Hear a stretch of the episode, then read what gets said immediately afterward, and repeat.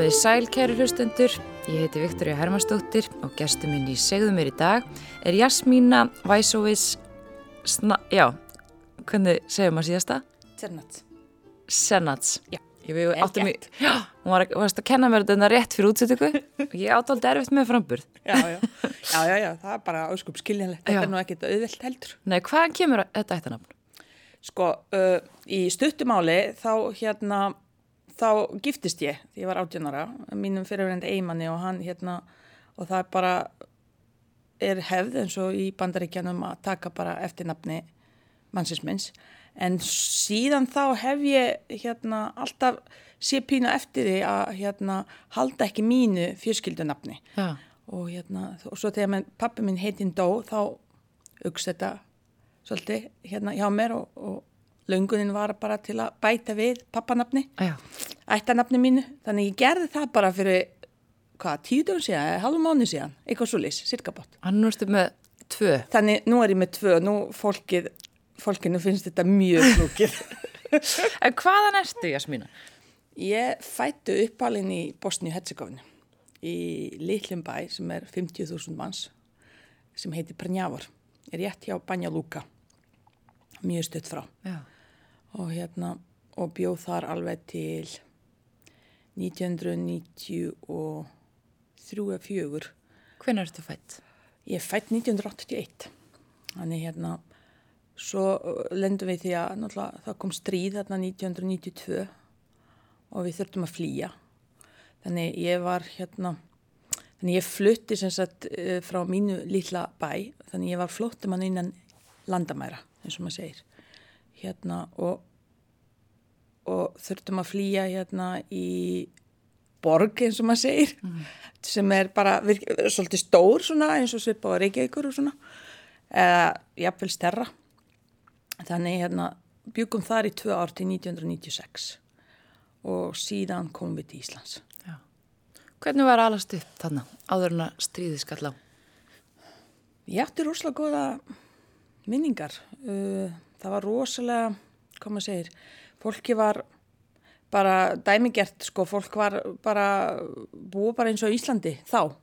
Var, ég, fjörskilda mín, foreldrar mín voru þokkarlega vel stæðir, svona millistjætt bæði í vinnu og pappi kláraði háskólanám og mamma var að vinna hérna sem skósmiður og hérna og við áttum bara rosalega góða æsku og, og oft segja þetta hérna þess að sögja því þá á þeim tíma var ekkit mikið spáð í hversu trúa er og hvað þjóðin maður er maður var bara, maður bjóð bara í gamlu Jugosláfi og, mm. og landi sem heitir Bosnia og, og bara fór í útilegur og fór í frí með fóreldrum og fjörskildur hittust og gerði ímislegt saman og svo var haldi upp á alls konar hérna, hátíðir bæði hjá öllum hérna, þjóða, þjóðurnum mm -hmm. og við fórum í heimsóknir og Þannig að það var hérna svolítið svona menningasjökt þegar ég kom hérna til Íslands og langt flestir vissu bara ekki hvað þýðir að vera muslimi út í, veist, út í heimi eða að vera króati og halda hérna jól 2005 en vera bosni muslimi og halda jól kannski ekki á þeim tíma og vera kannski með í réttrúna í kirkju og mm. það vart að halda jól 7. januar og ímislegt svona, svona sem mér fann þótti mjög skrítið mm. en þetta er eitthvað svona umhverfi sem mér þótti bara mjög sjálfsagt Já. það var bara þannig Já. og eins og segi æska, æska ári minn alveg þangar til stríði byrja voru bara frábær Hvernig var svona daglegt líf hann? Uh, er þetta að tala um fyrirstríð eða eftirstríð? Fyrirstríð Já, daglegt líf, það var bara mjög hérna, það var bara, ég held að svo langt flestir Íslendingar voru upplifa á sínum tíma árugla, mm -hmm. það var ekkit mikið iPad og tölfur og, og svona, maður var bara úti að leika sér Já og maður átti fullt af vinum og alls konar vinur rosa mikið fjölmenning í mínu sveitafélagi bjóð 17 þjóðirni wow. þannig hérna sem voru bara uh, sem eru ennþá í daginn dag sko langt flest mm -hmm. búið ennþá þannig uh, og þar þannig hérna maður fór bara í skólamotnana við fórum reyndar ekki á leikskóla uh, sem krakkar uh, en það er bara venjulega í dag er þetta svolítið kannski öðruvís í dag er bara eins og Íslandi, það eru líka skóla, það voru líka mm. þá en mamma og pappi þurftu bara ekkert á því að halda. Þau voru alltaf vinna á sitt hverju vaktinni Þannig við vorum alltaf heima og skólaganga hjá okkur skipti svona eins og var orðlega hér í gamla daga fyrir háti og eftir háti. Já, einmitt. Þú veist, þannig maður var bara svona frá 8 kannski til 12 í skólanum og svo kom maður bara heim. Mamma elda alltaf matinn, það er rosa mikið hefðið og síði hjá okkur að elda hátismat. Og það var ekki kljóðan 12 heldur svona kannski kringum 2. Mm -hmm. Og þetta er ennþá dæn í dag. Lang flestir vinna náttúrulega hérna, uh, hvað maður segir, skapast svona ákveðin hefð held ég. Mm -hmm. að það er reyna haldi í það að, að það sé alltaf heitur hátismatur og svo er bara ofta snæði líka heitur kvöldmatur. Það var mikið lagt uppi það var líka, líka mjög mikið lagt uppi fjörskildu, mm -hmm. fjörskildu tengslum uh, fólk er rosa mikið saman. Uh, og eða var það allavega kannski breytt, eitthvað hefur breyst orðlega samfélagi í dag með náttúrulega eins og bara Íslandi, margt breytist. Mm -hmm. en á þeim tíma var rosalega mikið hérna, samgangur, heimsóknir passa upp á fjöskildu halda öndum um hvort annað. Og og bara eins og ég segi, ég er bara man ekkert öðruvísin en maður bara hafa skemmtilega minninga að fara í, ég átti ömmu í sveit sem var mjög skemmtilegt að því hérna þetta var svona hérna fara alltaf sunnundögum pappi fór alltaf, þetta var hérna mamma hans sem er enþá lífi Já. og hérna og býr í Finnlandi hún hérna bjó í sveit sem er bara svona 10 km frá borginni Já. og hérna okkur þótti rosa skemmtilegt að fara í heimsökt þar hjá henni. Voru dýr hjá henni í sveitinni? Um, hún, já, hún átti hænur. Það var svolítið skemmtilegt. Og þessa hænur hjá henni hún gæði svo mikið að borða að það voru svo feitar að þeir, það er löpuðu það veldu svona hliðina þannig ég maður svo vel eftir því og svo var hún alltaf með allavega eina belju en hún var ekkert með mikið, hún var ein, svolítið mikið einn hérna, hérna afi minn vann mikið í Tísklandi og líka fjall frá rosalega ungur ég held að hann var 53 ára þegar hann dó. Og hérna þannig hún var svolítið mikið einn þannig hún hafði ekkert þú veist, kannski orgu til kannski að sjá um eitthvað stort bú. Nei. en hún var eiginlega bara svona dundar sér bara við þetta sjálf. Átti stóran gard og fullt ávöxtum og, og, og fullt af imberjum það var alveg, og ég man eftir, ef maður rosalega vel eftir, þannig æska mín var bara mjög góð þanga til einmitt, svona 11-12 ára Já. aldur 11 ára frekar en 12 Og mannstu þegar að, að, að, að þetta fyrir að breytast? Já. Hvernig? Sko ég mann það, jújú, jú, ég mann það rosalega vel. Hérna, fyrir það fyrsta var hérna 91, þannig að voru rosalega margi sem hérna heldu svona útifundi og, og samstöðu svona fundi úti uh, til að halda friði og, og, og við vildum ekki stríð og fólk var rosalega mikið út og gutum og og eitthvað svona, ég man rosalega vel eftir, eftir þessu, það var alltaf haldið svona fríðatónleikar og eitthvað. En svo kemur þetta að það verður fyrst byrjan alltaf í Kroatíu á sínum tíma og eða réttra satt fyrst í Slóvenju síðan í Kroatíu sem endist aðeins lengur og svo hjá okkur sem endist bara náttúrulega í allavegna í fjögur ár. Þannig við vorum bara svolítið hérna við vorum hrætt þegar við vissum ekkert alveg hvað hvað myndi koma, hva, hva, hversu slemt þetta verður, þannig þetta byrja svolítið í Sarajevo fyrst og það var svolítið langt frá okkur, þetta er alveg svona, hvað maður segir, þryggja tíma kessla, fjóru tíma kessla, en þetta var ekkert svona nálat, ekki sínu nær um, ekki okkar nær umhverfi. Mm -hmm. en svo ferðist það náttúrulega í, í borgir í kringum okkur þar sem við heyrðum alveg læti og, og sprengjur. En sem bitferð það kom ekki í, í heimabæðin minn, enga svona sprengjur. En andlega ofbeldi var rosalega mikið þú veist, fólkið var tekin.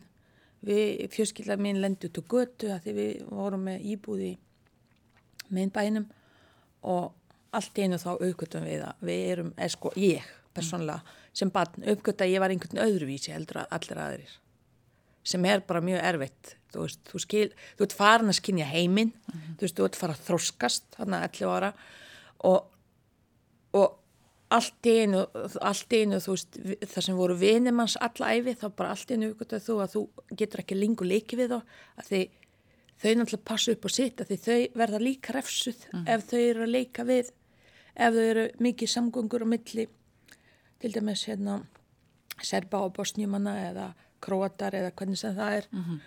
og þannig að allir passaði svona upp á sitt. Og þá fyrst uppgötta ég akkurju að ég væri bara ekki samþykk einhvern veginn inn í samfélagi, ég væri bara öðruvísi. Mm. og það var mjög erfitt að því hérna allt í einu missuru tengsl við vini sem þú ert búin kannski alast upp með Þannig að þetta fer frá því að vera öll þessi Já. uh, mismunandi þjóðabrótt sem að búa saman Já. yfir í að þau einhvern veginn eru komin upp á móti hvort öðru. Já, það, það var þannig og það var lengi þannig og þetta er, þetta er, þetta, þetta er ennþá reynd úti eh, hérna, að hafa einhvern veginn svona eins og þurfa allir vera upp á móti kortu öðru og þetta, þessi upplöðu mótar mér alveg þaðan og hingað í dag að ég vil aldrei tala um við og þið að þetta er það sem ég lærði sem krakki og þetta er það sem ég ætla ekki vera. Að því um leið við erum að fara að tala um við þið þá erum við að fara skilgjörna fólk í hópa og þá erum við að segja að þau sé einhvern öðruvísi annar hópur að við kendir heldur hinn eða eitthvað. Samfélagi getur ekki gengið svona og ég, samfélagi mitt gengur ekkert svona. Fólk hér, það er atvinnuleysi það er hérna lítið vinna það er hérna, það er nota hérna uh, þjóðarni, trú til þess að koma politískum hérna, hvað maður segir hérna hugmyndum á framfæri og hérna og það verður alltaf sundrungur. Það verður þetta ekkit ein heild og þegar maður er ekkit með eina heild þá til ég ekki þá erum við ekki með heilbyrð samfélag. Nei. að því við þurfum öll að leggja eitthvað í samfélagi við þurfum öll að gera eitthvað til þess að hann, það verður betra en, en því miður það er bara það er ennþá reynd að hafa þetta svona í sitt hverju lagi og stjórnarskráin bara Bosni-Herzegovina er bara þannig að hún ala upp á, þetta, upp á þessu að því það holvar fólk eftir þjóðurnum. Við erum með þrjá fórsetta sem rúlar áttamanna fresti. Þannig þetta er svona mjög lærdomsríkt en það gerir líka það verkum að, að það móta svolítið veruleika minn í dag að hérna, vera bara eins og ég er í dag mm -hmm. af því ég ætla bara ekkert vera þann þar. Og ég hef alltaf sagt það. Þú veist, fyrir mér er, er ekki til fólk öðru sér þjórni en öðru sér útliti eða einhvern veginn, þetta er bara fólk fyrir það, fyrir það fyrsta, fyrst og fremst. Mm -hmm. og ég held það sé þar sem við þurfum að svolítið einblýna á að því í dag, þú veist, við sjáum þetta rosa mikið í dag líka. Þannig hérna uh, þannig ég myndi segja hérna að þetta var mjög lærdomsitt, þetta var rosalega reynsla, þetta var uh, hræðilega reynsla. En það er alltaf með alls konar svona áföll og alls konar svona hérna, lífsreynslur. Uh, aðalatri er hvað við lærum að því. Mm -hmm.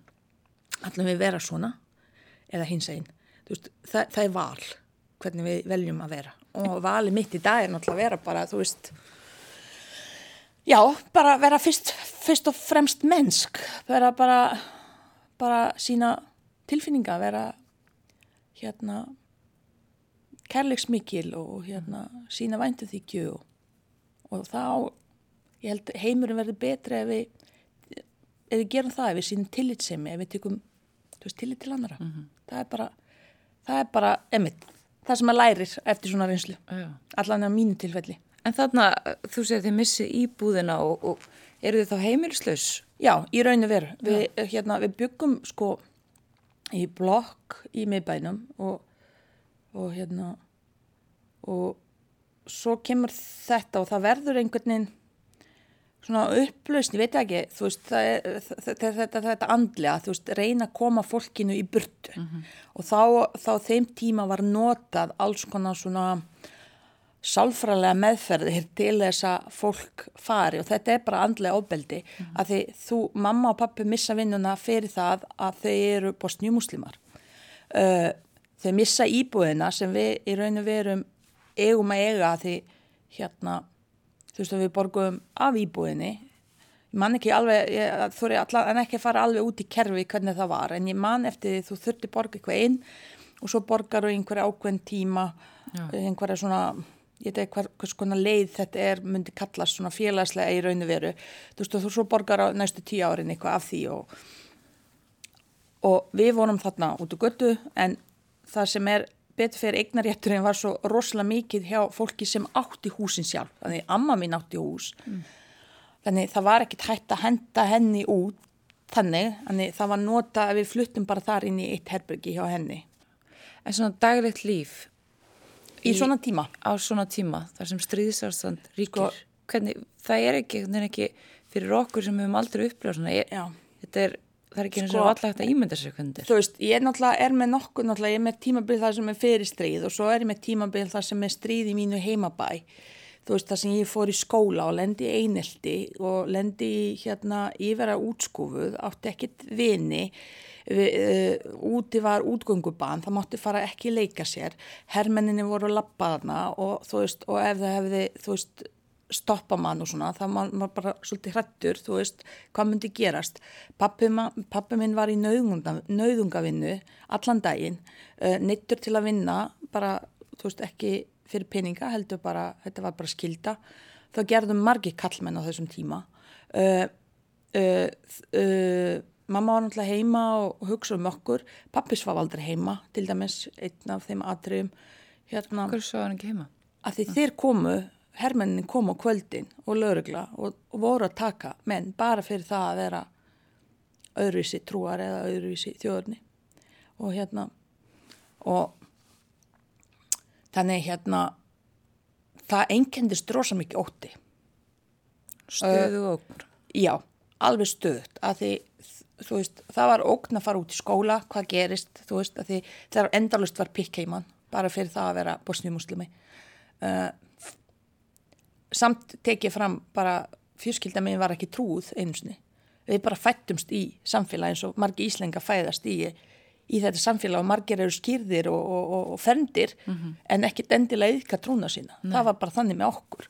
Við bara fættumst í þetta samfélag og urðum bara, þú veist, bara þetta sem við erum höldum okkar hefðir og svona bara eins og bara margir íslenga halda sínum jól og halda sínum hátíðum og þetta gerðum við uh, líka. En þannig allt í einu vorum við bara öðruvísi. Bara, bara þú vakna bara einn dag og bara ef sem við myndum vakna í dag og segja bara herðu, já nú eru pólveri öðruvísi nú allan við leggja þau einelti. Þú, veist, þú veist það verður einhver styrlun í samfélagin það verður einhver svona róf og það er ekki hægt að lýsa því. Þú veist þetta er upplifun sem orglega hver og einn líka getur náttúrulega lýst á sín hátt en þarna verður róf þú veist bara siðferðsróf að mínu mati sko allt í einu fólki getur bara allt í einu gert það sem nágrænarnir voru bestu vinnir og allt í einu eru ekki lengur vinnir. Þau eru bara út skúfuð. Já, bara gjörsanlega útskúfuð og fólk misti vinnuna þannig þetta er svona, fólk var að fara, þú veist, úr sveitufélaginu. Þannig hérna, þannig við endum, sagt, þarna byggum við í tvö árið því ástandi. Síðan hérna, uh, Rauðakrossin hérna hjálpa okkur að komast yfir hérna hinn helminginu í Bosníu þar sem voru Bosníu muslimann að halda svæði og þá hefur maður haldið það að maður komi heim til síns fólks. En það kemur, þá kemur önnur útskúfun.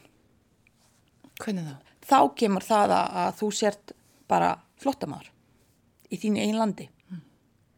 Þú ert flottamæður, þú ert ekkit alin upp í þessu svona svepað og innflytjunandi lenda áruglega hér á landi, margi hverjir, þú veist, upplifa að þú ert ekki velkomin. Og því er bara stöðug sagt að þú ert ekkit velkomin. Þú ert eitthvað að taka frá heimamönnum.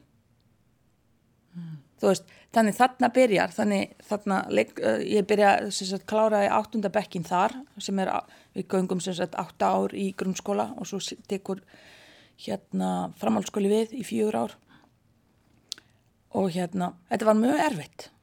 Ég átti ekkit marga vinni þar, ég var líka útskúð þar að því ég var öðruvísi, öðruvísi að því ég var flottamæður, að því ég ólst ekkit upp í þessu borgarsamfélagi.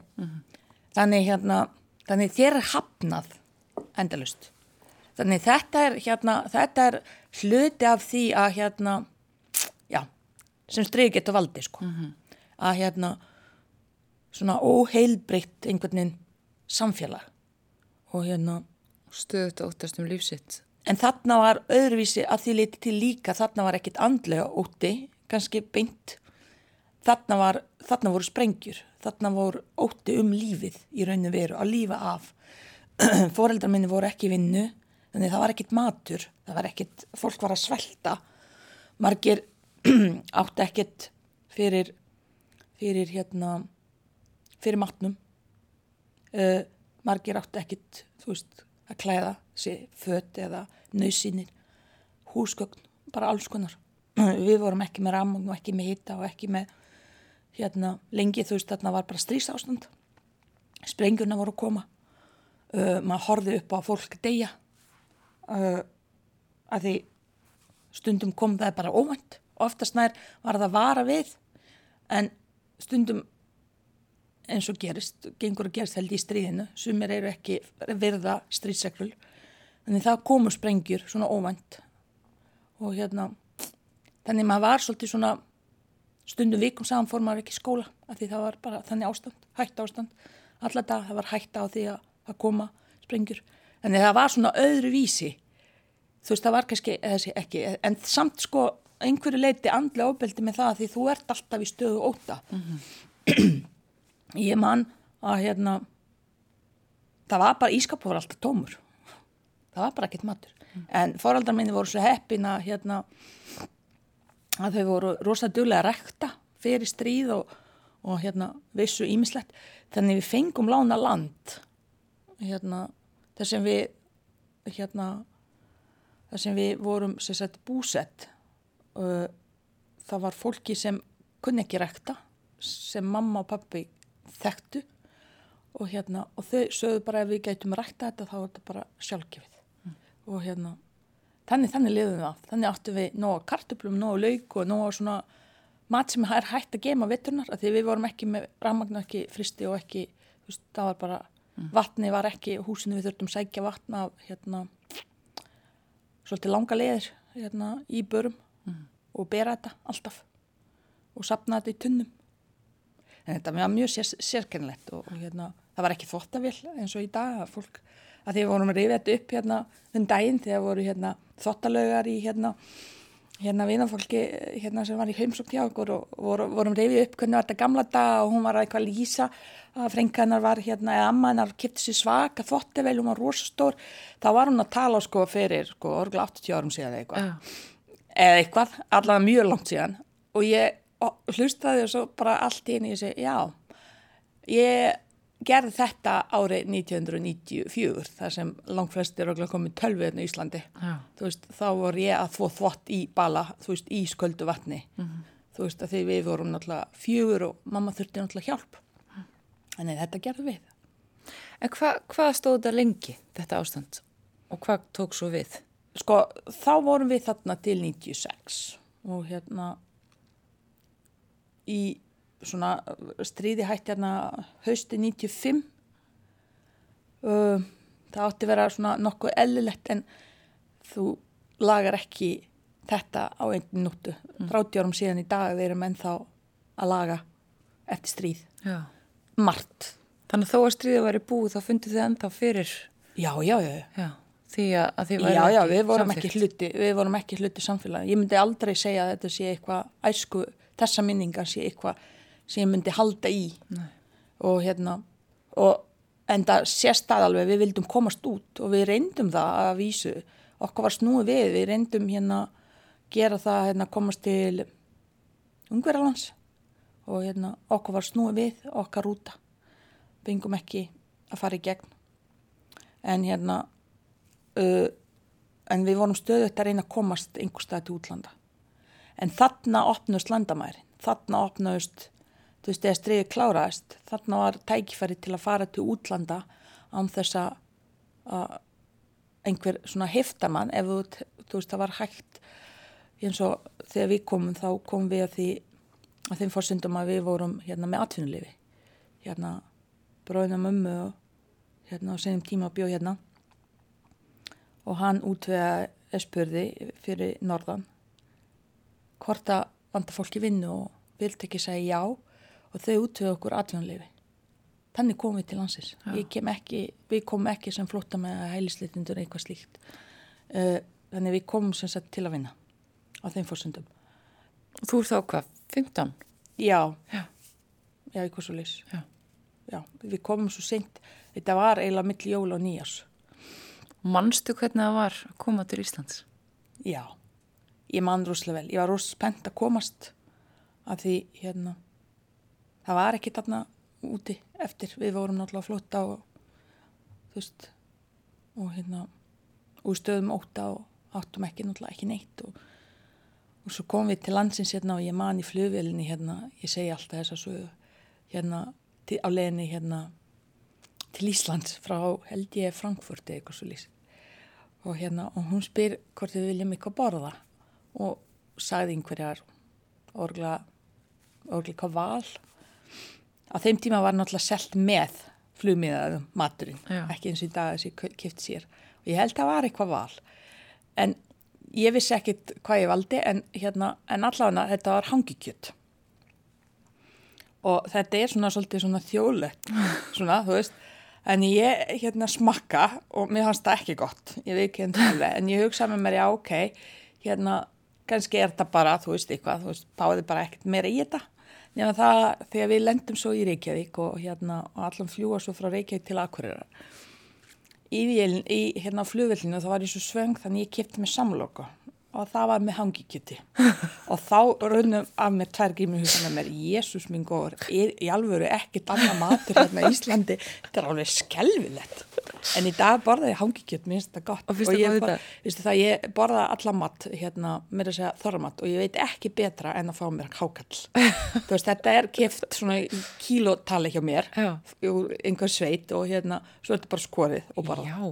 og við hjónin eru alveg mér finnst þetta besta sem ég get fengið. Það með að fólk orðlega bara fæ sér snakk og kvöldi þá borða ég ákall Vá. þú veist þannig þú veist ég læriði líka, þetta er eitt af því sem ég læriði í stríðinu. Þegar er engin matur þá borða þú bara allt sem er í bóði og þú berða virðingu fyrir því að því þú getur lendið því að hafa bara ekkert að borða og þú eru að svelta sem fólk gerði bara út í Bosni á þeim tíma.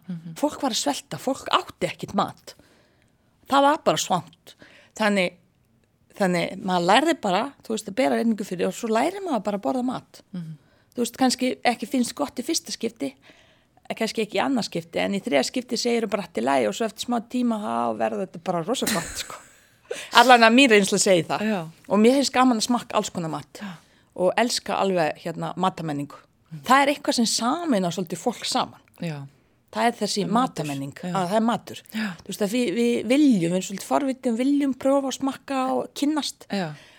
og þetta er svona einmitt mjög auðvelt að samina svona menning og menningaheimar einmitt með mata Já, matargerð. Já, Já. akkurat, mjög guð leið. En þú, þetta komið til Íslands. Mm þegar að manna fjölskylda og eru komin á Akureyri og fenguðu öll vinnu þá strax.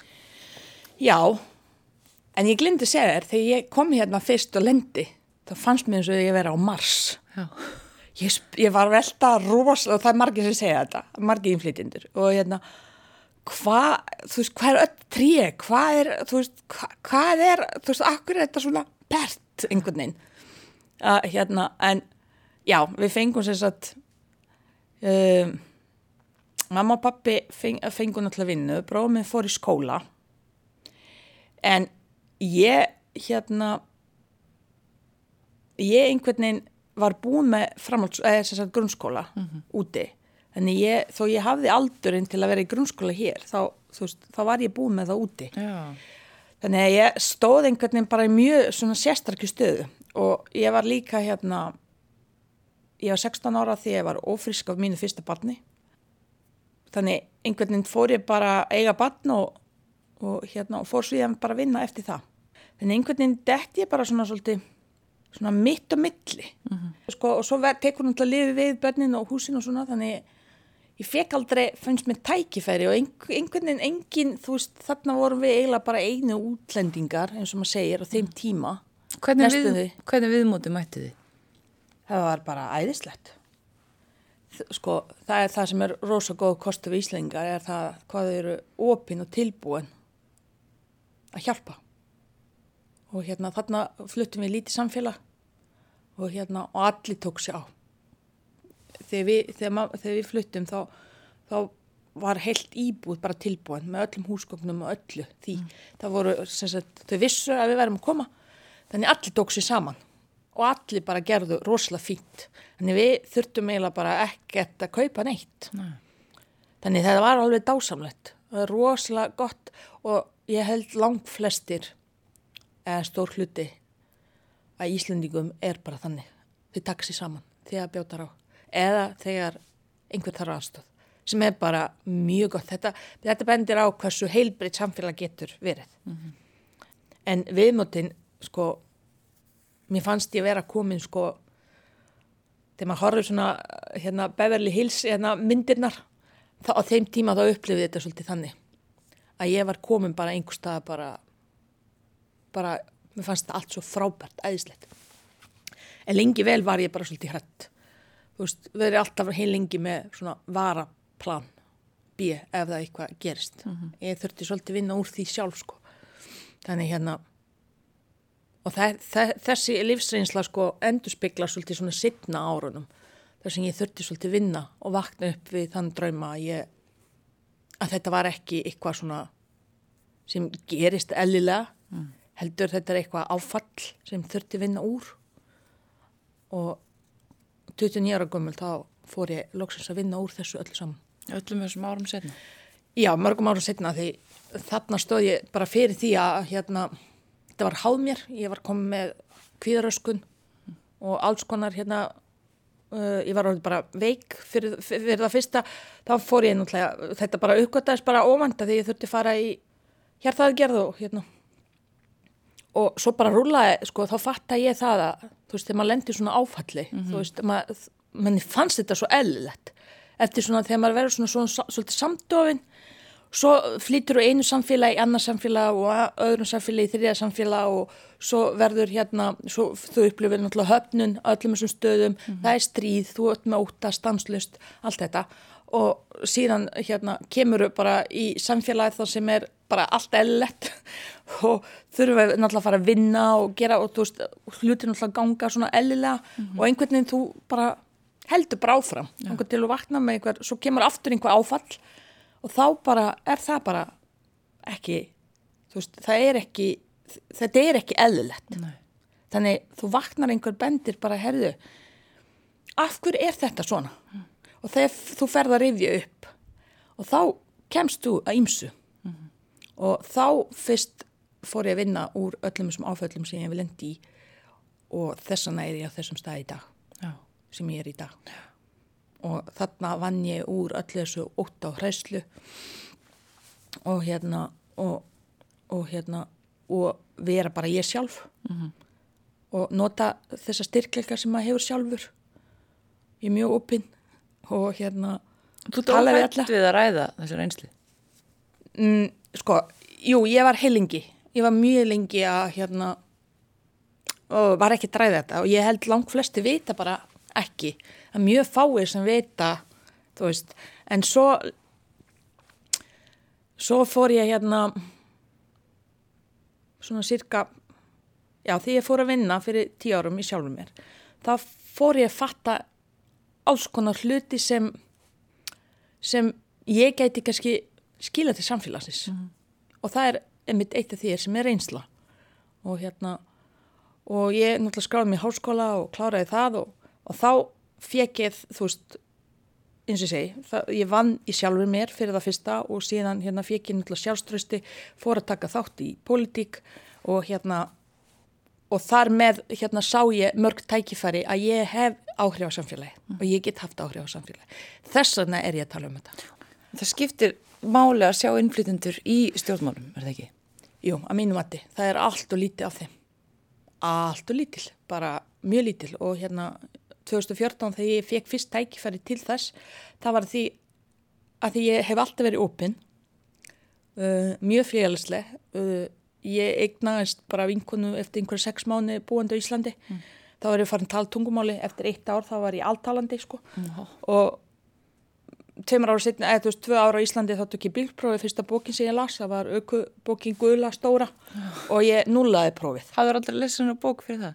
e, Jú, ég lesi sko reyndar að því ég ætti bann þannig að ég var í leikskóla en ég læriði hellinga að syngja og svona, þú veist, einhverja söngbækur en ekki bók, þetta var bara venjulega bók, eftir það hef ég lesið marga sko. Já.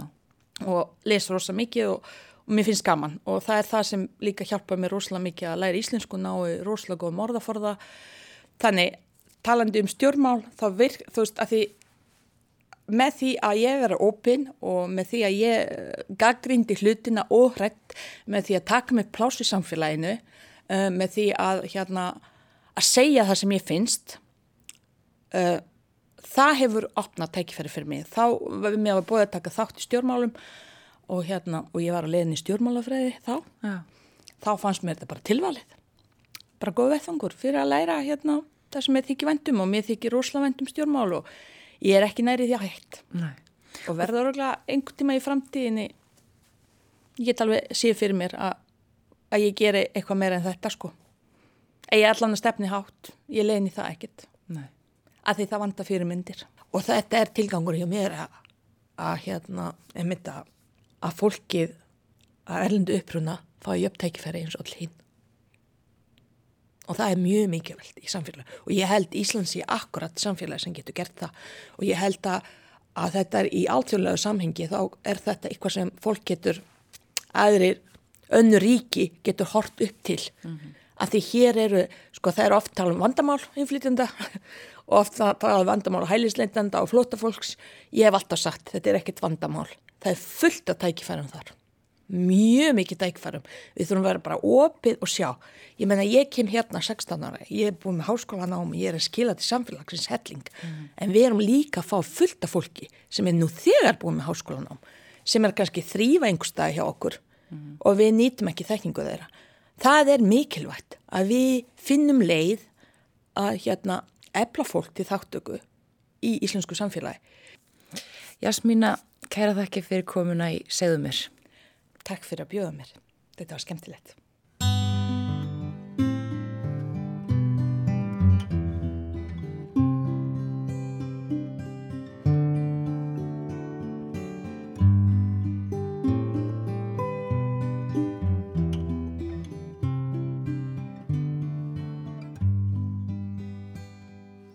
Allsnakinn kemur í og allsnakinn ferðu burt frá þessum dauðu hlutum sem þér fannst þú hafa dreyið á þurrt. Mm.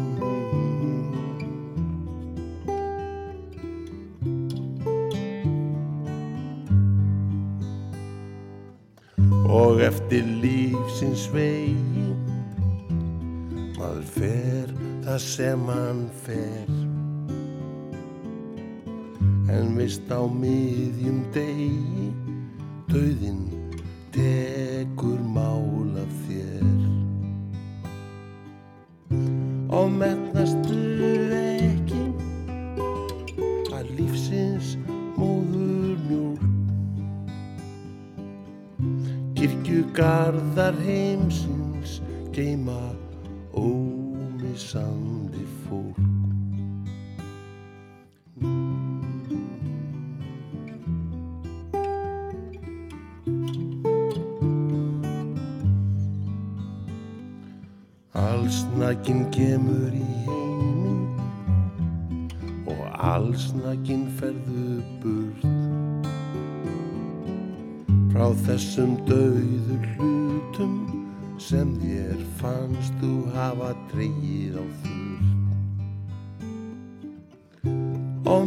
metnastu ekki af lífsins móður mjólk.